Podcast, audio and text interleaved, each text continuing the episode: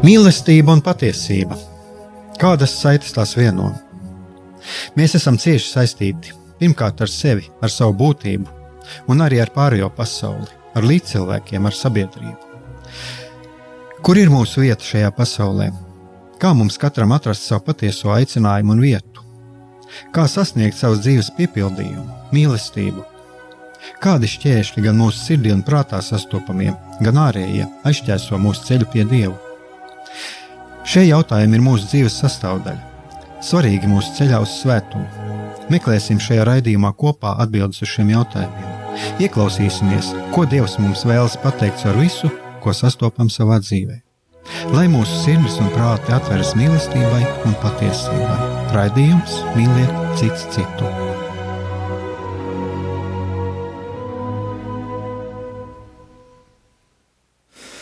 Lai top slavēts Jēzus Kristus, esiet sveicināti, darbie radioklausītāji. Šis ir raidījums Mīliet citu citu. Un šodien mums ir eh, tāda mm, īpaša diena, tāpēc, kad ir izdevies, uh, izdevies uzaicināt viesi.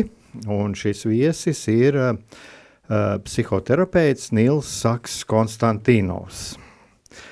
Un uh, Tie cilvēki, kas mani pazīst, viņi zina manu viedokli par dažām lietām, un, un man arī ir tāds, nu, man ir tāda devīze pašam. Nē, esi konservatīvs, nē, esi liberāls, esi patiess.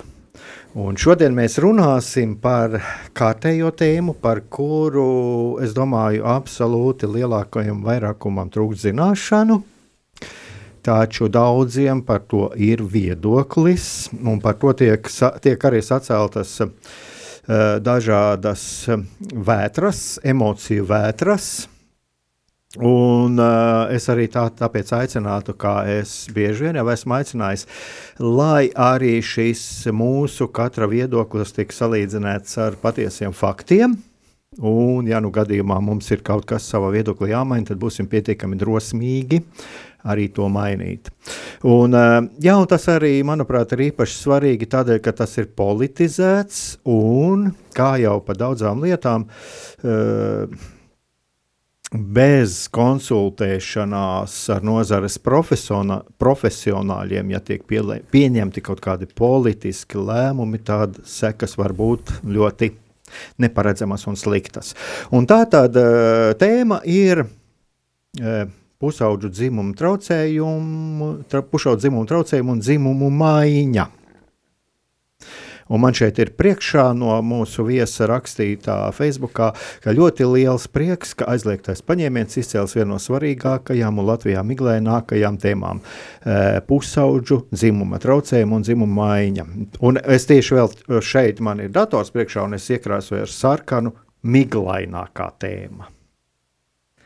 Tātad man ir pirmais jautājums jums, kādi ir eh, vispār uh, sākušies kādi pētījumi par šiem jautājumiem, par šiem dzimumu traucējumiem? Jā, uh, vispirms paldies, ka uzaicinājāt uz raidījumu. Uh, man tas šķiet ļoti svarīgi un ļoti svarīgi liekas arī runāt par, par šīm lietām pēc iespējas dažādākās auditorijās, jo, protams, ka tas ir jautājums, kas var kaut kādā veidā skart visus Un, un tas arī kaut kādā ziņā attiecās uz visiem, jo tas, manuprāt, tas, kā mēs audzinām eh, bērnus, eh, kas ir tie vēstījumi, ko mēs viņiem dodam, kas ir gal galā tie mērķi, ko mēs viņiem vēlam, tas ir viss sabiedrības jautājums.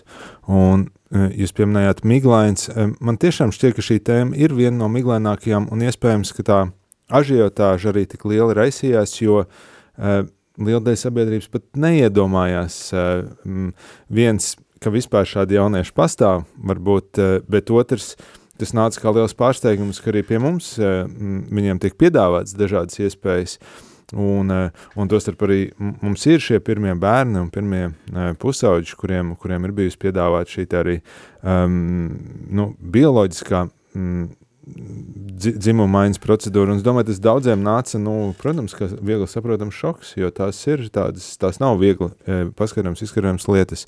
E, un viens no iemesliem ir tas, kā jūs minējāt, šī tēma ir relatīvi jauna sabiedrībā.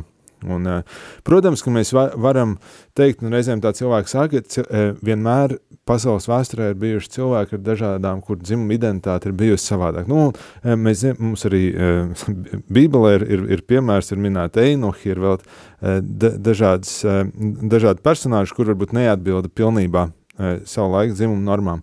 Bet tas, kas ir pilnīgi jauns, un tā tiešām ir jauna parādība, ir šie pusauģi, kuri, kuriem principā viss ir kārtībā ar viņu ķermeni, viņiem ir viss ir kārtībā ar viņu hormonālo sistēmu, mm, bet kaut kāda iemesla dēļ, sasniedzot pubertāti, viņi sāk identificēties vai paziņo, ka viņi nejūtas labi ar savu dzimumu un vēlas iegūt pretējo. Nu, tas ir tas, kas notiek. Relatīvi jauna lieta, principā kaut kādi pirmie pētījumi vispār par šo tēmu ir tikai no 70. gadiem, bet šādi pusauģi pārsvarā sāk parādīties aptuveni 2000. gados. Nu, līdz ar to eh, mums pat nav neviena tāda nopietna, tas, ko sauc par, par meta analīzi vai meta pētījumu, kas ir šie zelta standarti eh, pētniecībā, tāpēc, ka šie, eh, šīs klīnikas, kas nodarbojas, ir pārāk maz un, šie, un šī, pats šis fenomens ir pārāk jauns, lai mēs kaut ko nu, tā ļoti drošticam varētu par to saprast vai pateikt. Mhm. Jā, Jūs jau pieminējāt par tiem. Mm, Jūs pieminējāt par šiem pētījumiem, kad viņi ir sākušies uh, 70. gados, un runājat par to, ka šis, šī problēma pieaug. Bet šeit man uzreiz, kā vienmēr šādos gadījumos, kad mēs runājam par kaut kādiem pieaugumiem sabiedrībā, par kaut kādām Mm, kas ir ārpus tam, kā sabiedrībā vispār pieņemtajām, vispār saprastajām normām. Es vairāk tā runāšu, var, varbūt vērsīšos, runāšu par to saprastajām normām, jo, mm. jo es, tā, es vienmēr arī savu raidījumu cenšos veidot ar to, lai viņš nevis uh, izraisītu kaut kādu emociju vētras un, uh, un, un, un, un tad, uh, lai būtu kaut kas tāds manipulatīvs no manas puses, bet lai cilvēks cenšos saprast kaut kādu parādību. Ja? Un tad man uzreiz ir tas jautājums, vai nav kaut kāda pieauguma ilūzija? Ko es ar to gribu teikt?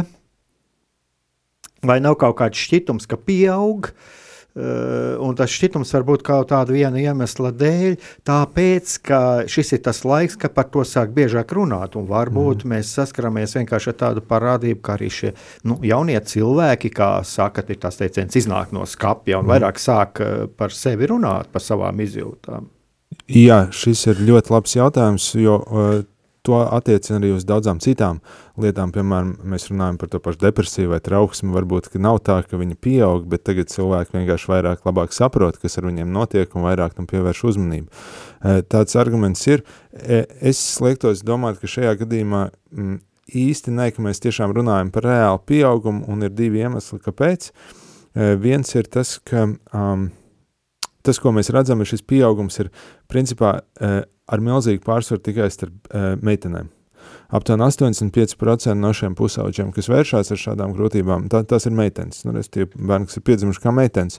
Un, ja tas būtu, kā jūs sakat, pusauģi, kas vienmēr ir dzīvojuši ar šādu pārliecību un tagad vienkārši spēj to kaut kā izpaust vai, vai nebaidās atklāt, nu, tad mēs redzētu puslīdz vienādu e, dzimumu proporciju. Un, un savukārt tas tā otra lieta – Mm, kāpēc visticamāk tas ir pieaugums, ir tāpēc, ka mēs neredzam neko līdzīgu citās, citās sfērās.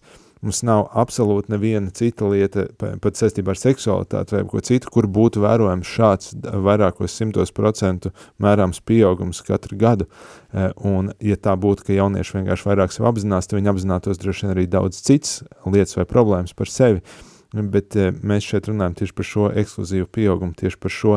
Tā kā visticamāk, ka tas tiešām ir tāds jauns fenomens, jauns veids, kādā jaunieši, eh, šī ir mana interpretācija, nu, un es, protams, pieslēdzot, ir, ir, ir daļa pētnieks tā domā, ka eh, mēs runājam par lietu, kas ir bijusi vienmēr, proti ar to, ka daudz jauniešu nejūtās mierā ar savu ķermeni, Un mēs zinām to droši vien no savas pieredzes, kad mēs esam pusauģi. Katra pumpa uz, uz, uz, uz vaigu var kļūt par katastrofu, un, un mums nepatīk daudz kas par sevi, un, un tas ir ļoti grūti ieaugt šajā pubertātē, kad ķermenis tik ārkārtīgi mainās, kad uzstot no bērna par pieaugušo. Bet tas, kas ir jauns, ir tas, ka šobrīd sabiedrība, nu, iespējams, piedāvā tādu interpretācijas iespēju. Tas ir veids, kā mēs skaidrojam pusaudzim, kas ar viņu notiek. Ka viena no iespējamām atbildēm ir tas, kāpēc tu tā jūties, nu, tāpēc, ka iespējams tu neesi piedzimis pareizajā ķermenī. Jā, nu, es atkal tiešos pie kaut kāda.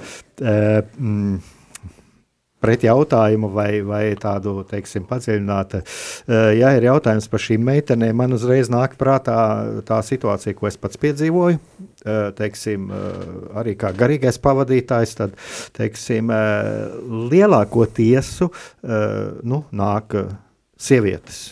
Un, un vidēji tās teiksim, tādas nu, salīdzinoši jaunas, bet arī, arī no vecākas paudzes, teiksim, uz, uz, uz, uz šo garīgo, garīgo sarunu. Uh, aktivitātes baznīcā, ja mēs paskatāmies, kur es teiksim, darbojos, es biju tikko vienās rekolekcijās, pavisam nesen es biju vienīgais vīrietis, ja tā reizēm ir mm. priesteris. Ir arī vīrieši, mums ir vīru grupa un tā tālāk, un mums evanģelizācijas šūniņā, piemēram, ir ģimene, kur ir vīrs, sieva un tā tālāk. Ja. Bet uh, šeit, kāpēc es, es ar šo tādu lietu, šo jautājumu jautājumu ievada. Šeit arī tāda lieta, cik atvērti ir vīrieši, vai šajā gadījumā vīrieši, jaunie zēni un cik ir meitenes. Vai tas arī ir pētīts, ja kādi, teiksim, vai tiešām tā ir tāda lieta, vai varbūt tie puiši sevī to apslāpē.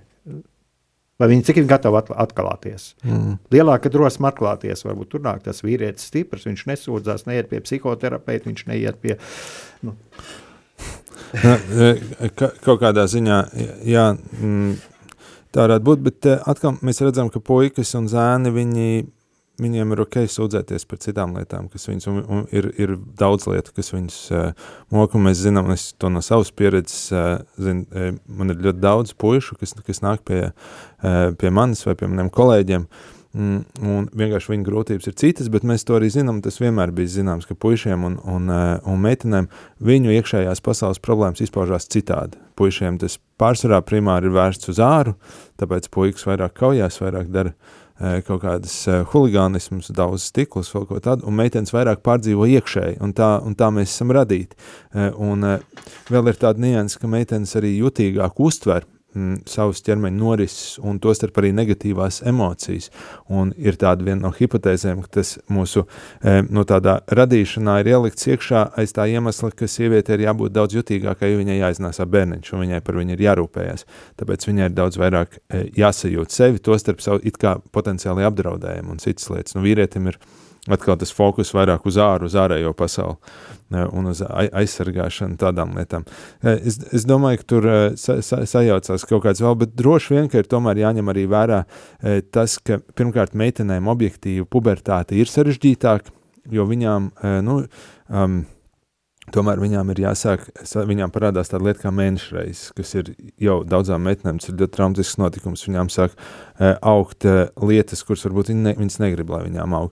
Uh, bet uh, vēl arī tāda lieta, ka mm, par to, kā sabiedrība uztver ķermeņus un kā uztver meitenes un zēnus. Un, uh, un, ja mēs paskatāmies, kas ir tie sociālie tīkli un kas ir tie ideāli, kurus, eh, kurus jaunieši uztver, mēs zinām, ka meitenes daudz vairāk sociālajos tīklos pirmkārt pavada laiku, otrkārt viņas daudz vairāk ar tiem identificējās. Nu, tur šī ideāli ir, ir tālu no reālās dzīves, un, eh, un, un tomēr zēnam pieaugot, protams, arī zēniem daudz kas neapmierina ar sevi un, un tā citādi, bet viņiem tas parasti nav tik traumatiski nekā meitenei, kurai jāsāk samierināties ar to, ka viņas ķermenis sāk kļūt nu, tālu prom no tā ideāla, ko viņa redz, piemēram, sociālo tīklu realitātē. Un, uh, tas droši vien nav vienīgais faktors. Un, uh, un, un šī ir reiz tāda lieta, kur mēs varam nonākt pie viena rezultāta pa ļoti dažādiem ceļiem, visticamāk. Mm, bet nu, šis ķermeņa ideāls un, kāds, un kādu mēs priekšstatu vispār radām bērniem un pusauģiem par to, kas ir, kas ir labs, kas ir skaists, piemēram, kas ir skaists un labs sievietes ķermenis, piemēram, un ko darīt, ja es neatbilstu šiem, tas noteikti spēlē kaut kādu lomu. Uh, jā, es te tagad pirms muzikālās pauzes es tādu varbūt gribētu izdarīt tādu kopsavilkumu. Uh, tā tad tā salīdzina, nu, salī, metode, ko mēs salīdzinām, teiksim, cik cilvēks piedalās baznīcas aktivitātēs, cik viņš iziet uz, teiksim, uz kontaktu ar garīgo vadību, vīrieši, sievietes to gluži nevar attiecināt uz psihoterapeita praksi. Ko es ar to gribu teikt, kad uh, pie psihoterapeita vai arī runāt var kaut kādas salīdzināt proporcijas, cik dodas meitenes un zēni. Cik viņi dodas pie psihoterapeita. Es šeit nerunāju par vienu konkrētu lietu, bet vispār par viņu problēmām, ko viņi grib dalīties. Ir kaut kādas pro proporcijas, kurš ir vairāk, kurš mazāk. Ir, ir. Uh, es domāju, ka tās proporcijas ir, varētu būt diametrāli pretējas tam, kā viņi dodas uz, uz, piemēram, baznīcu vai draugiem. Jo nu, mēs zinām, ka tas pieplūdums ir bijis diezgan liels, ceļš, protams, pandēmijas iespējā, kas atstāja diezgan graujošu iespēju uz daudz bērnu psihēm. Uh, šī izolācija, un tas, to, to redz visur pasaulē. Bet otrs, tas, ka šī palīdzības formas dažādas, un viņas ir kļuvušas, kļuvušas vieglāk pieejamas, šķietam, nu, mums skolās tie ir psihologi un vēl kaut kas, un tas vairs nešķiet nekas tik traks. Nu, un sevišķi jaunā paudze, nu, viņi pret to izturās kā pret tādu normālu dzīves, vismaz daudz vietā ir pret tādu normālu ikdienas sastāvdaļu.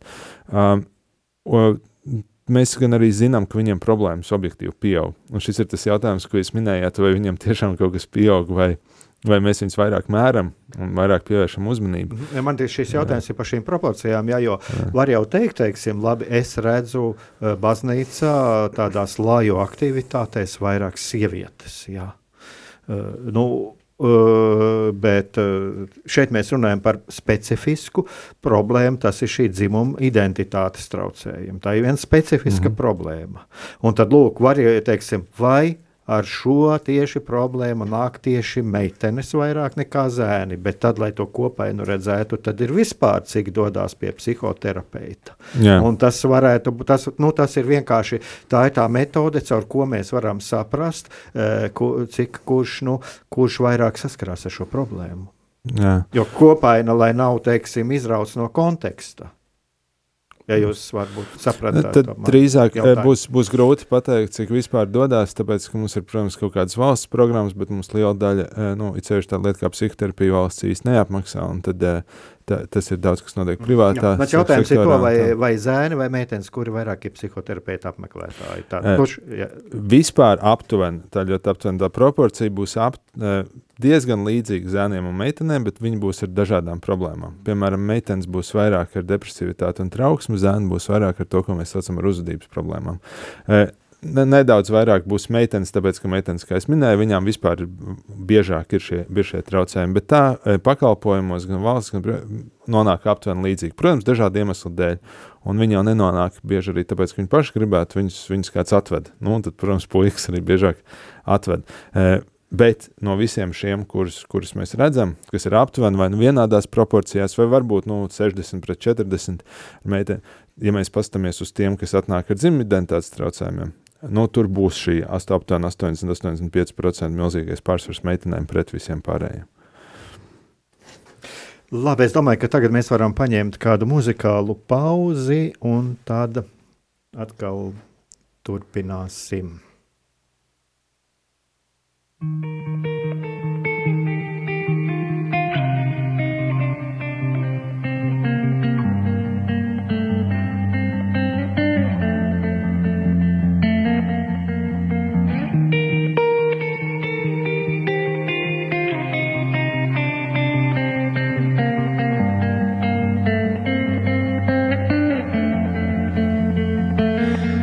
Even in the everything else gets quiet, I feel your hand holding mine. In the shadows, in the valleys of my soul, even there, I'm by your side. Cause you just keep on hurting.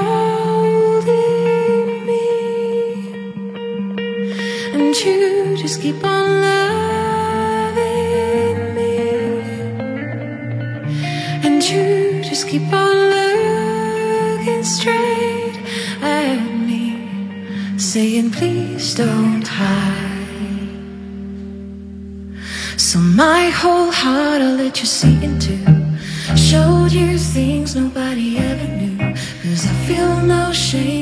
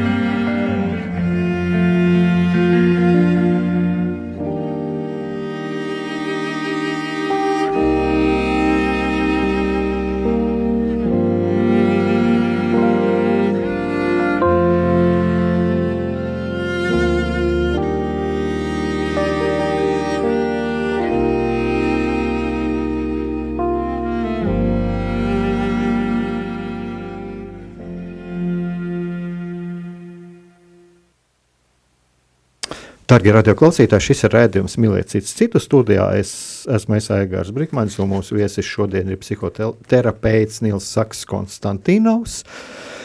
Un mēs runājam par tādu lietu kā jauniešu dzimumu identitātes traucējumi. Bet uh, tagad es gribētu vēl tomēr pieskarties uh, vēl kādam jautājumam. Nu, dažādi tas tiek nosaukts. Tiek runāts par ideoloģiju, ietekmi, kad kaut kādas ideoloģijas sevi ietekmē to, kā jaunieši izjūt sevi kā dzimumu, mm, un pat arī uz seksuālo orientāciju. Bet uh, es vairāk tomēr runātu, vai tās reklāmas un tas internets mēs gluži varam nosaukt par ideoloģiju, un ja kāda ideoloģija to darīja, tad es vienmēr uz, uzdodu jautājumu, kāpēc viņi to darītu. Bet, uh, Vai te varētu būt, eh, nu, jūs jau mazliet tam pieskārāties, piemēram, internets, meitenes, viņu ķermenis um, un tā tālāk. Ja. Eh, Tātad mēs varam runāt par kaut kādu, es nosauktu to par tādu kultūras ietekmi, kā, vai mēs tādu subkultūras ietekmi, kaut kādu internetā valdošo. Jā, es, protams, arī būtu piesardzīgs runājot par ideoloģijām, tas tāds spēcīgs vārds, bet eh, tas, ka pastāv dažādas subkultūras, par to droši vien šaubu nav, tās vienmēr bijušas, un mēs katrs droši vien jaunības laikos pie kādas no tām esam piederējuši, tur hipija, vēl kāda. Un, jo, bet tas ir nemaz citādāk nevarētu būt, tāpēc, ka viss jau, nu, ļoti liela daļa no, no, no tā, kā mēs pasauli interpretējam, ko mēs saprotam, ir, ir vienkārši mūsu kultūras un subkultūra dažād, dažādas auglas. Un, nu, atkal jau tā objektīvā realitāte ir tā, ka mums ir ķermenis un mums viņš dažreiz nepatīk. Mm, ideja un tas, kā mēs uz to atbildam paši un kāda atbildes sniedz mums sabiedrība, tas ir tā ir, tā ir kultūras daļa, un tas ir mm, nu, tas, tas posms, kurā šī kultūra šobrīd atrodas. Nu, piemēram, ideja par to, ka es varētu piedzimt nepareizā ķermenī, tā, protams, ir tāda idejiska lieta. To, to jau nevar nekā ne pierādīt, ne aptaustīt, nekā tā ir tāda doma. Mm, un, ja mēs to jaunieši, līdzīgi kā starp citu, um, Jūs pieminējāt seksualitāti, bet arī šī te, uh, versija par seksualitāti, ka mēs piedzimstam ar noteiktu veidu seksualitāti. Tā arī ir ideja, kurai nu, mēs tiešu uh, pierādījumu apliecinājumu, nu vismaz vēl pagaidām neviens jau nav atradzis. Mēs nevaram smadzenēs norādīt ne uz vienu punktu un pateikt, lūk, šeit cilvēks tāds ir piedzimis. Protams, tas, tas, ko mēs ļoti daudz saprotam, ir, ka apkārtējā vidi mūsu ārkārtīgi ļoti, ļoti, ļoti veido.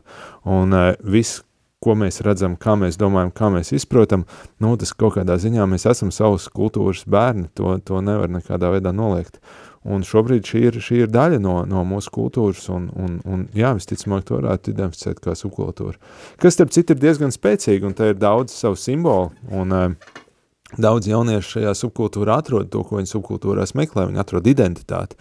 Nu, jo jaunietis jau principā uh, pusauģu vecumā viņš meklē, kas, kas es esmu, Un ir ļoti svarīgi to atrast. Un, un dažiem jauniešiem šī atbilde kļūst, ka es esmu, piemēram, transpersona. Nu, es neesmu ne tas, ne tas. Daži jaunieši sev atrod, ka esmu futbolists, es esmu uh, kristietis, piemēram, es esmu budists, esmu vēl kaut kas, un daži uh, atrod šādu. Un ap šo kultūru, ir, subkultūru ir daudz, daudz enerģijas un daudz kustības, un tur jaunieši saņem arī atbalstu. To arī nevar noliegt, jo šie jaunieši, viņi jau bieži, mums jau jāreitinās, ka šie jaunieši, kas līdz tam nonāk, viņi bieži ir diezgan nu, daudz cietuši jau, e, bieži psihoemocionāli, nereti arī fiziski, un e, tur viņi atrod kādu, kas viņus saprot un kas viņus atbalsta, un, kuri, un, un kas viņiem saka, ka tas, kas ar tevi notiek, tas nevis ir, ne, tas, tas kādreiz pierāda, ka tu piedari e, šai mūsu grupai, un tie ir tādi dabiski grupu procesi, un, nu, tas, vai tas ir uh, labi, slikti, vēlam, nevēlam, tie ir nākamie ētiskie jautājumi, bet mēs varam saprast, kāpēc tas tā notiek. Mm -hmm. uh, jā, šeit varētu būt arī pa vienu tēmu, varbūt pat pa, pavisam atsevišķi, ko jūs pieminējāt, ja, ka cilvēks, jaunietis, viņš ir piedzīvojis kaut ko, viņš piedzīvojis kaut kādu, nu, teikt, vardarbību un kaut kas tāds, ja, un viņš vienkārši meklē. Nu, viņš nav saņēmis to, kas pēc būtības, kas viņam pienāktos saņemt, izaugot sev nu, kā personībai. Ja. ja viņš sāk sevi identificēt ar kaut ko citu. Ja, jā, pilnīgi noteikti viņš nav saņēmis um, iespēju um, iziet to procesu, to identifikāciju ar savu, ar savu, tostarp ar savu bioloģisko ķermeni, jo nu, tā, ir, tā ir dzīves realitāte. Mēs katrs piedzimstam ar, ar vienu konkrētu e, ķermeni, kurā nu, mēs esam kaut kādā ziņā iemiesoti, un eh, mēs nevaram atdalīt īsti cilvēku no, no viņa ķermeņa, un, un pusaudzības periods ir tas, kurā man ar to ir kaut kā jā, jāsaintegrējās, un, un, un, un tur ir milzum daudz lietu, protams, psiholoģiski un tad, bet viens no tiem saprast, ko tas nozīmē, ka es esmu, principā, arī savs ķermenis. Uh, un, jā, šiem pusauģiem tas nenotiek, un es domāju, ka jums ir taisnība, kaut kādā ziņā kultūra nav spējusi varbūt iedot to veidu vai to ceļu, uh, kurā šo te integrācijas procesu uh, iziet. Man starp citu ir tāda mm, drusku varbūt uh, izaicinoša doma par šo, bet man patiesībā šķiet, ka mēs uh, šādā veidā pusauģiem, ka patiesībā mūsu kultūra kļūst nevis brīvāka, bet viņa kļūst sašaurinātāka, jo mēs ieviešam, mēs it kā, nu, kaut kādā ziņā visi runā par, par liberāl, eh, liberālām tendencēm vispār, ja, bet eh, caur šīm liberālām tendencēm mēs ieviešam ļoti daudz kastītes. Mēs ieviešam lūk, seksuālas orientācijas kastīti, tagad dzimuma kastīti, tagad eh, tā tavas pārliecības, tad politiskā kastīte un tā. Un jaunietim priekšā sakrājās ļoti, ļoti daudz kastītes, kurās viņam sevi ir tā kā jāieliek. Uh, un, protams, ka daļa jauniešu nu, visādiem iemesliem kādam traumas, kādam vēl kaut kas, viņš, viņš neatrod sevi kādā no šīm konkrētajām kastītēm, un tad viņam uzreiz jādomā par kādu citu. Uh, man šķiet, ka tomēr kaut kas labs ir tajā, ja mēs vienkārši ļaujam jaunietim būt un, uh, un izpaust sevi pietiekami brīvi un nelikt viņam virsū šo vajadzību sevi nu, kaut kā apzīmogot ar kaut kādu vienu konkrētu identitāti vai, vai lietu, pirms viņš ir sasniedzis šo nu, labi, 20, 25 gadu vecumu, kad tās smadzenes ir pietiekami nobriedušas, lai viņš kaut ko par dzīvi varētu sākt mm, saprast. Mm -hmm. Šeit atkal laikam ir jāatgriežas pie tā paša, kas jau, nu, un es domāju, tā kā šis radio arī šeit daudz, kas tiek runāts arī par ģimeni, un tā, es domāju, ka šeit ir pats pamats arī, nu, tam ir jāatgriežas pie tā, kā viņam ir ģimenē, kā viņš jūties pieņemts, un... E Noteikti, jā, bet es būtu uzmanīgs ar šo, jo patiesībā no savas pieredzes, arī, protams, no, no tā, ko mēs redzam citur pasaulē, šie jaunieši ir ļoti, ļoti dažādi. Un e, nāk jaunieši no ģimenēm, kuras e, arī visādā ziņā būtu e, vērtējums kā diezgan pat, pat, pat, pat ļoti nu, labas. Tā, ko, ko tas nozīmē būt labai ģimenei, bet nu, tādi jaunieši, kas ir labi aprūpēti visādā ziņā, finansiāli, emocionāli, Un tas, šo, vismaz šobrīd, tas vairs noteikti nav tikai, uh, tikai tādu, nu, kaut kādu tiešu traumu sekas. Tas nebūtu tā nav, tas ir kaut kāds plašāks kultūras fenomens. Es noteikti. varbūt arī netik daudz runāju par šīm traumām, bet, nu, piemēram, cik man ir nācies saskarties ar jauniem cilvēkiem, kur arī dzīvo kā labklājībā, viņi ir aprūpēti, bet viņi nav, uh, viņi nav Es ne, šajā gadījumā es pat arī nerunāju. Protams, ir šie radikālie gadījumi, tie pamestie bērni, kuri piedzīvo ģimenē vardarbību. Bet um, nu, es domāju, jūs esat arī saskāries, ka viņš vienkārši nav uzklausīts, kā viņš jūtās. Viņš nav mm, saņēmis to nu, atgriezenisko saiti arī savā ģimenē. Ģimene viss ir kārtībā, un tā, nu, tad jāsaka, tā tie vecāki mīl, kā viņi prot. Jā. Un kaut, kaut kur arī šīs lietas. Jā, Pilnīgi noteikti, bet e, es pierreiz gribētu uzreiz vēl vienu piemēru iedot, nevis kur viņš pat nav saņēmis atgriezenisko saiti, bet kur viņš nespēja to paust. E, e, ja mēs runājam par statistiku, par zāniem meitenēm, vēl viens interesants dalījums par tiem ka, pusauģiem, kas nonāk ar šo grūtību, ir pusauģi, kuriem ir autiskā spektra traucējumi. Un, piemēram, Dānijas dzimvidentitātes klīnikas pētījumā viņiem uzrādīja aptuveni pusi 50%, tas milzīgs skaits no visiem, kas vērsās, bija ar identificējumiem autiskā spektra traucējumiem. Un autiskais spektrs nozīmē to, ka manas smadzenes strādā tādā veidā, ka es nespēju īsti labi saprast citus, un es arī nespēju sevi izpaust citiem.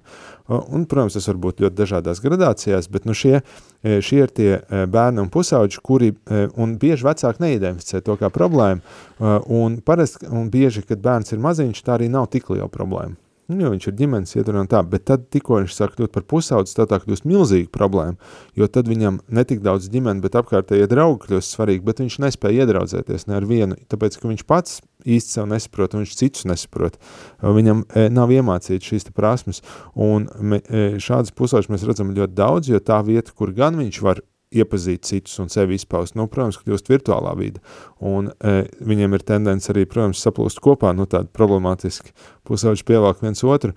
Un es domāju, tas ir viens no arī iemesliem, kā mēs varam nu, labāk to saprast, ir, ja mums ir pusaudzis, kuram e, strādā smadzenes šādā uh, veidā, un tā ir pilnīgi cita problēma. Ir autiskās pēctraucējumi, tam nav nekādas saistības ar dzimumu identitātes traucējumiem pašiem par sevi, bet mēs redzam, ka ļoti daudz pusauģi ar, šo autismu, viņi tiešām uh, nu, pēc tam sāk piedzīvot arī šo dzimumu identitāti. Tur kaut kāda saikna arī var būt. Nu jā, nu tad kā to varētu risināt, tad atkal jāatgriežas pie tā, kad ir labi, ja ir kādi speciālisti, kas arī palīdz, gan palīdz ģimenēm, gan palīdz šiem pusauģiem. Es pat domāju, ka vislabākais, ko speciālists var darīt, ir pašām ģimenēm stāstīt eh, vairāk un, un ģimenēm uzzināt, ka var gadīties arī tāda lieta, bērni ir dažādi un daži bērni būs būs tādi, ka viņiem būs grūtāk socializēties un grūtāk draudzēties, un uh, tas nav nekas, uh, tas nav nekas slikts, tas nav nekas uh, ārkārtīgi īpašs, bet, nu, ir jāreitinās, ka, ja bērnam neveidojās šīs draudzības ar apkārtējo pasauli, viņam ir grūtāk saprast vai izprast apkārtējo pasauli, viņam vienkārši vajag palīdzēt vairāk ar to, iemācīt prasmes, iemācīt draudzēties, nu, pievērst tam uzmanību. Jā, nu tad es uh, gribētu pievērsties uh, vēl kādai tēmai, un kas ir, eh, manuprāt, ir ļoti būtiska, kur jūs runājāt uh, par to, Nu, es šeit arī no, no, no Facebook ierakstu, kas, eh, nu, vismaz es tā, kad šīs lietas lasot, ir tāda, eh, tāda kā trauksmes antenas, eh, trauksmes signāli. Ja. Šis jautājums par, un jāsaka atkal, es arī no šīm lietām, nu, man ir minimāls, pavisam, pavisam minimāls zināšanas. Tas ir uh, hormonterapija, bioloģiski iejaukšanās uh, dzimuma attīstības procesā, un, kā jūs rakstāt, mums ir ārsti, kas griež 18-gadīgām meitenēm no skrūti, iztraktējot to kā kosmētisko operāciju. Un, uh, jāsaka, uzreiz man pašam personīgi tas ir tāds trauksmes signāls, jā, jo nu šeit jau tomēr ir runa par kaut kādām neatgriezeniskām sekām. Jā, un šī ir tā vieta, kurā droši vien sāk dalīties eh, viedokļi arī starp speciālistiem, un arī Latvijā mums ir dažādas, eh, dažādi viedokļi, dažādas pārliecības. Eh, es, es domāju, ka ir svarīgi uzreiz pateikt, ka tad, ja šāds pusauds ir, eh, ir vairākas lietas un vairāk ceļu, ko var darīt. Un, mm, Viena lieta ir tas, ko sauc par sociālo tranzīciju. Princi, tas tāds sarežģīts vārds, bet principā tas nozīmē to, ka pusaudzis, piemēram, nogriež matus, nu, tur meitene nogriež zēngalviņu, nēsā pretējām dzimumam raksturīgas drēbes, reizēm sāk sev saukt kaut kādā citā vārdā. Tas var būt zēnu vārds, bet tas var būt kāds neitrāls vārds. Uh, nu, un, uh, principā, mm, izmēģina sevi, iedzīvo sevi šai, šai, šajā lomā, mm, kā, un, uh, nu, un tad skatās, ka, kurā, kurā virzienā un kāds aiziet. Uh, pēc šīs cita veida tranzīcija ir tas, ko sauc par bioloģisko tranzīciju, un tās ir, un tās ir jau jūs pieminētās uh, iejaukšanās uh, ķermenī, kuras, nu, pārsvarā gadījumā, protams, ka viņas ir kaut kādā ziņā neatgriezeniskas, tāpēc, ka, nu, pusauģis ķermenis vispār ļoti trausls un ļoti uzņēmīgs, un viņas smadzenes ārkārtīgi attīstās.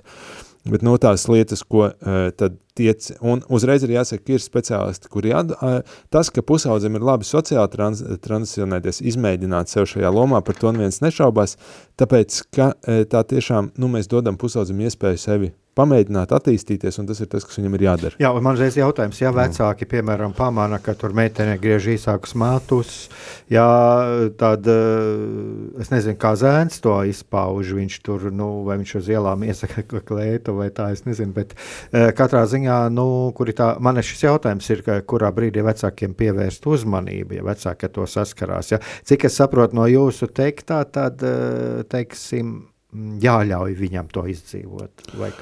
Mm, kaut kā tā.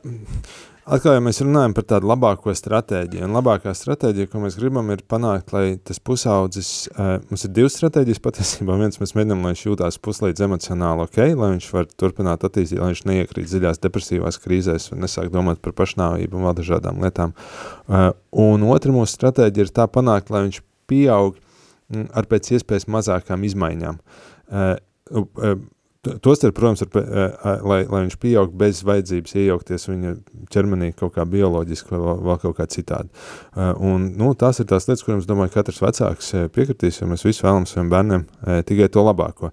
Un mēs zinām, nu no pētījumiem pieredze, ka vislabākā stratēģija, lai šīs divas lietas sasniegt, ir ļaut viņam izpausties un kaut kādā ziņā pieņemt šo viņa posmu dzīves, tāpēc, ka ja mēs darām pretējo, piemēram, mēs noliedzam vai mēs sakam, ko iedomājies, tu tā nevar būt, tu esi meitene un viss tas tā kā paliks, tas vienkārši iedzan ķīli attiecībās, un tas nozīmē to, ka bērns nepārdomās, noteikti šādā veidā tas viņus nemudina pārdomāt.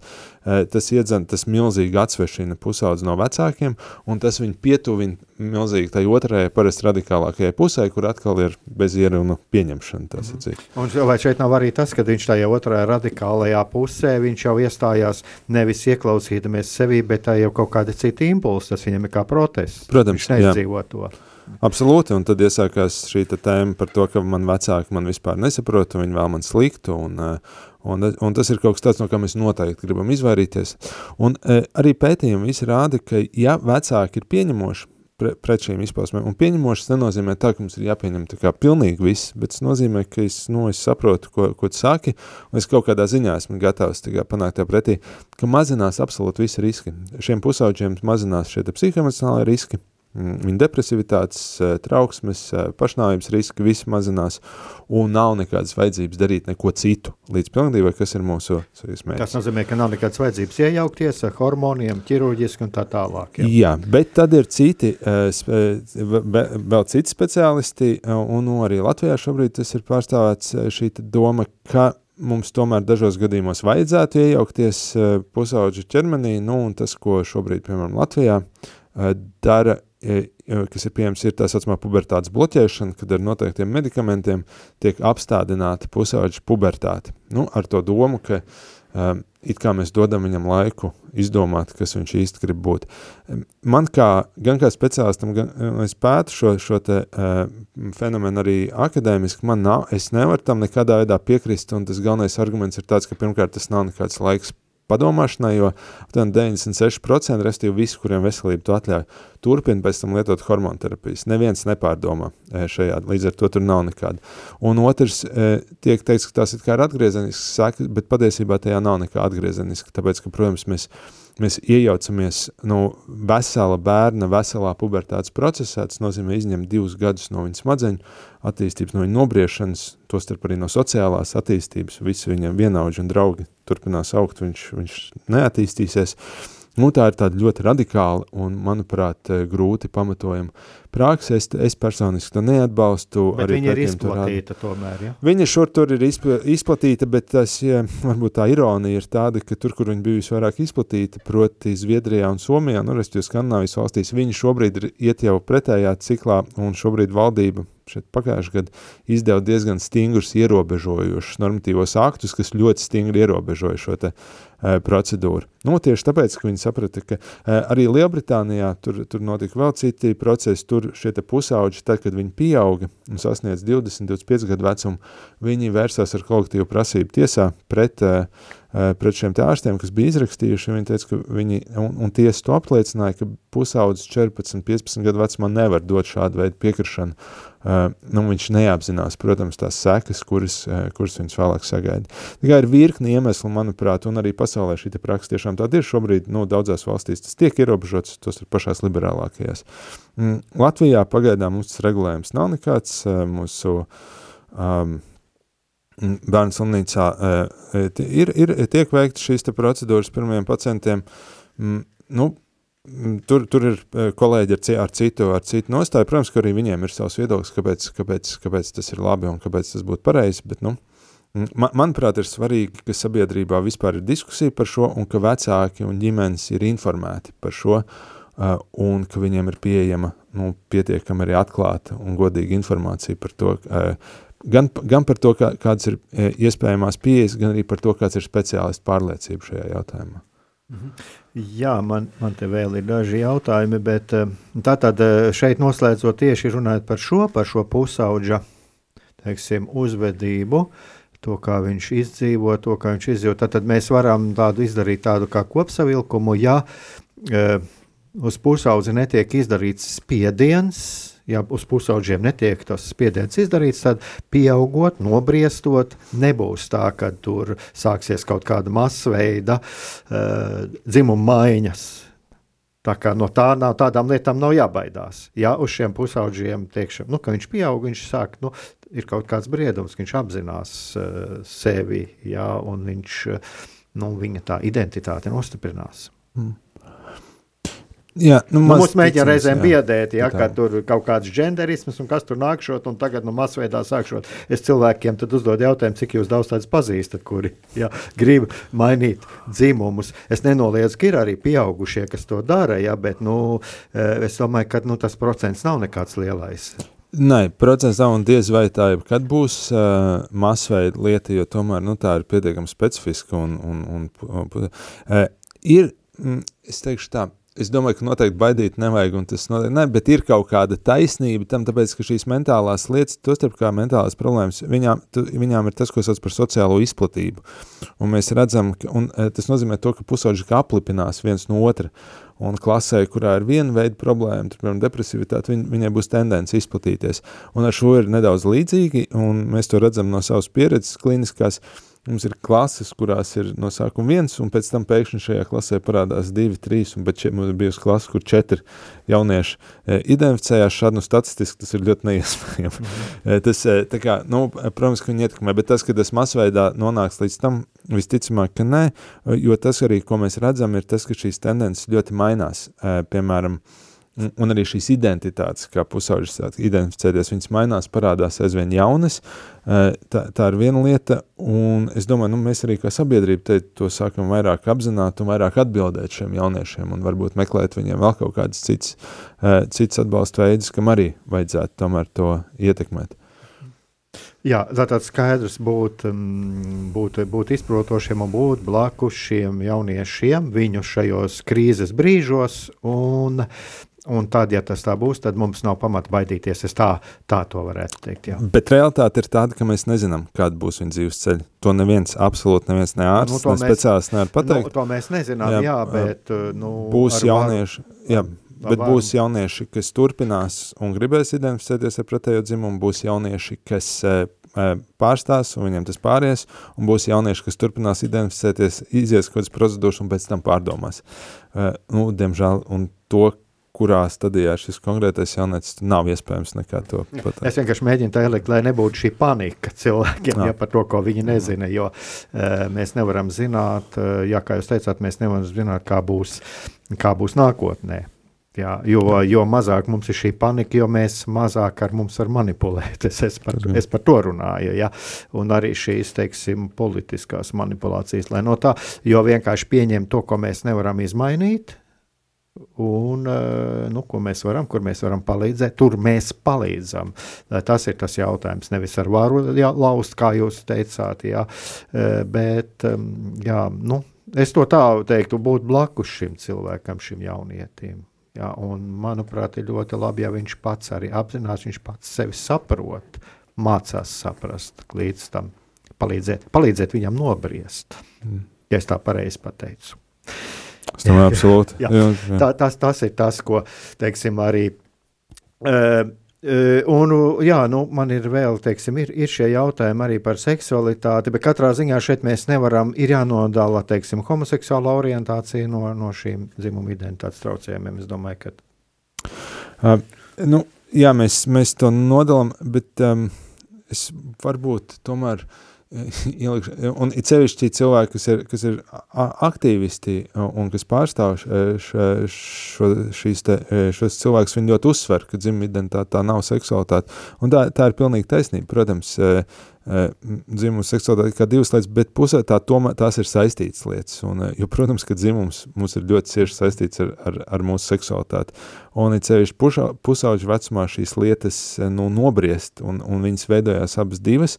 Un es domāju, ka mums ir jāņem vērā, ka tomēr visticamāk tie ir arī kaut kādi seksualitātes jautājumi, kas bieži ir iejaukušies šajā kopā. Ir ceļš, tāpēc, ka no psihoemocionālās attīstības mēs zinām, ka vispirms izveidojās mūsu dzimuma identitāte un tad veidojās mūsu seksuāla identitāte. Nu, man no sākuma ir jāsaprot, kas es esmu, lai saprastu, kas man un, un, un kā patīk, un iespējams, ka nu, šādā veidā tiek, mm, varbūt vismaz daļai pusauģi tiek risināts kaut kādas šāda veida psihoemocionālas problēmas. Starp citu, tas arī ir norādīts eh, dažās hipotēzēs, ka e, mēs, piemēram, ir samazinājies noteikti veida sieviešu skaits, kuras identificējas kā homoseksuāls, un ir, ir, nu, ir kādreiz bijuši šī te, kā homoseksuāla sieviešu subkultūra, kuras ir šīs vīrišķīgās sievietes, un ir tāda minējuma, ka iespējams tas ir transformējies tēt vairāk šādā uh, virzienā. Jā, bet, man nu, vienkārši ir eh, šeit jau dārgi nāk rēdījums uz beigām, bet man tieši vē, es vēlētos arī kādreiz par šo parunāt, ja par to, jo, esam katoļu baznīcas katehismā teiks, ka homoseksuālisma psiholoģiskā izcelsme nav zināma, ja, un tad ir šis jautājums, kurā, kā, kā šī homoseksualitāte ietekmē cilvēka uh, šo identitāti, ar ko viņš identificējās. Tāpēc es saku, es esmu, nu, es esmu diezgan daudz viedokļus lasījis par šīm lietām, jā, un tāpēc bet, nu, mums vienkārši raidījums iet, iet uz beigām, bet būtu ļoti, ļoti interesanti par to parunāt. Eh, bet noslēgumā es gribētu tādu mazliet, eh, kā pret jums attiecās, jo šeit parādījās, ka jums tur uzbrukot, kāds jūs esat piedzīvojis kādu uzbrukumu no kādiem liberāļiem vai no kaut kā par, par to. Es liberāļs lieku pēdiņās, jā, es vispār man nepatīk šīs kastītes arī liberāli liberāls vai konservatīvs, jo nu, mm. ar to ļoti, ļoti šķeļ sabiedrību.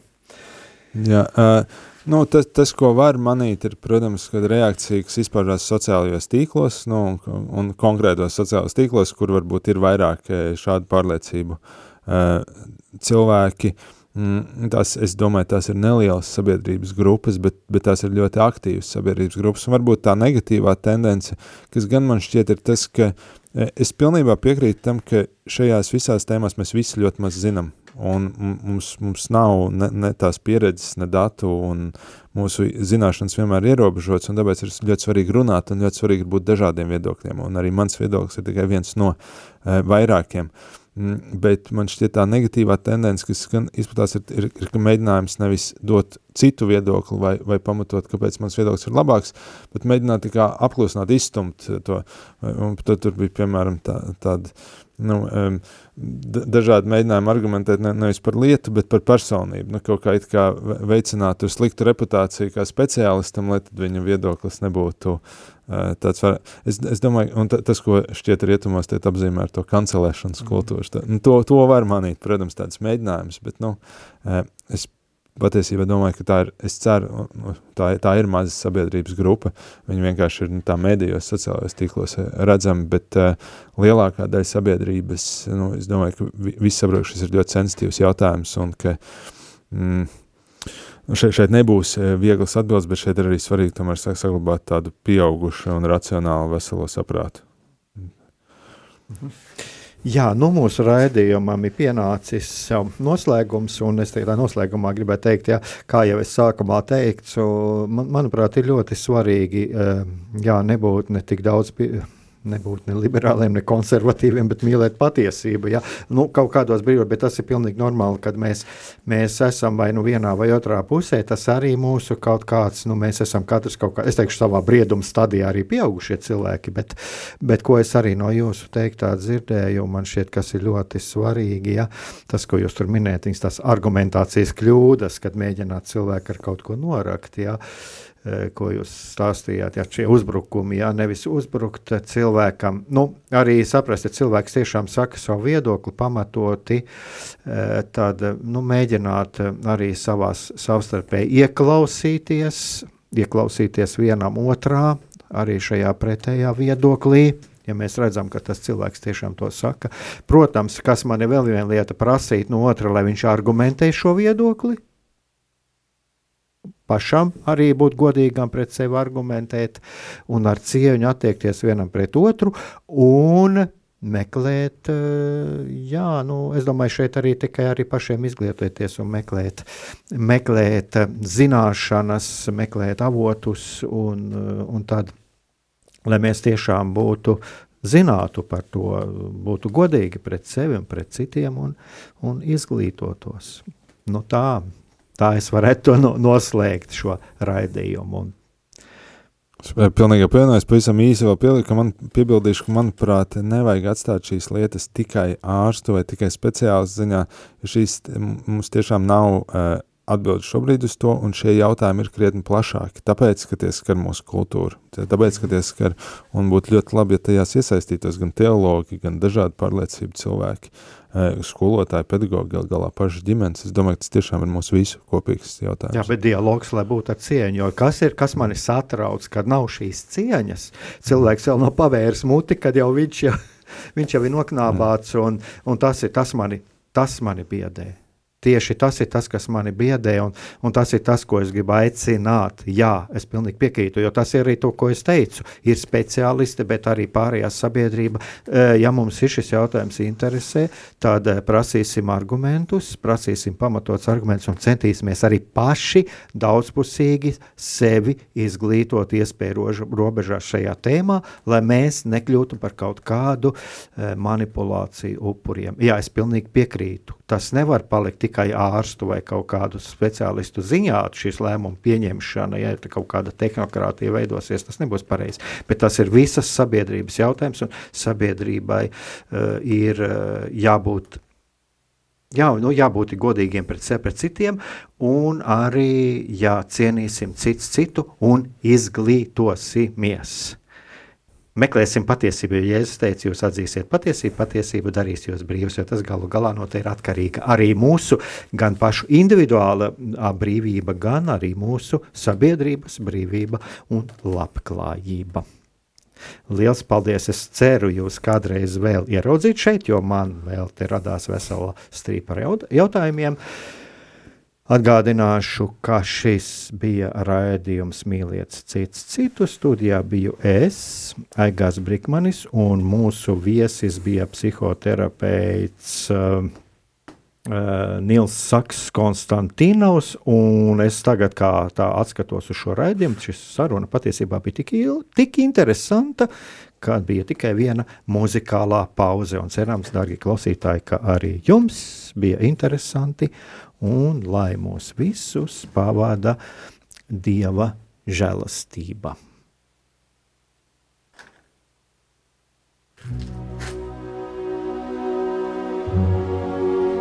Mīlestība un patiesība.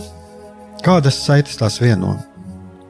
Mēs esam cieši saistīti pirmkārt ar sevi, ar savu būtību, un arī ar pārējo pasauli, ar līdzcilvēkiem, ar sabiedrību. Kur ir mūsu vieta šajā pasaulē? Kā mums katram atrast savu patieso aicinājumu un vietu? Kā sasniegt savas dzīves piepildījumu, mīlestību? Kādi šķēršļi gan mūsu sirdī un prātā sastopamie, gan ārējie aizķēso mūsu ceļu pie Dieva? Šie jautājumi ir mūsu dzīves sastāvdaļa, svarīgi mūsu ceļā uz svētumu. Meklēsim šajā raidījumā kopā atbildes uz šiem jautājumiem.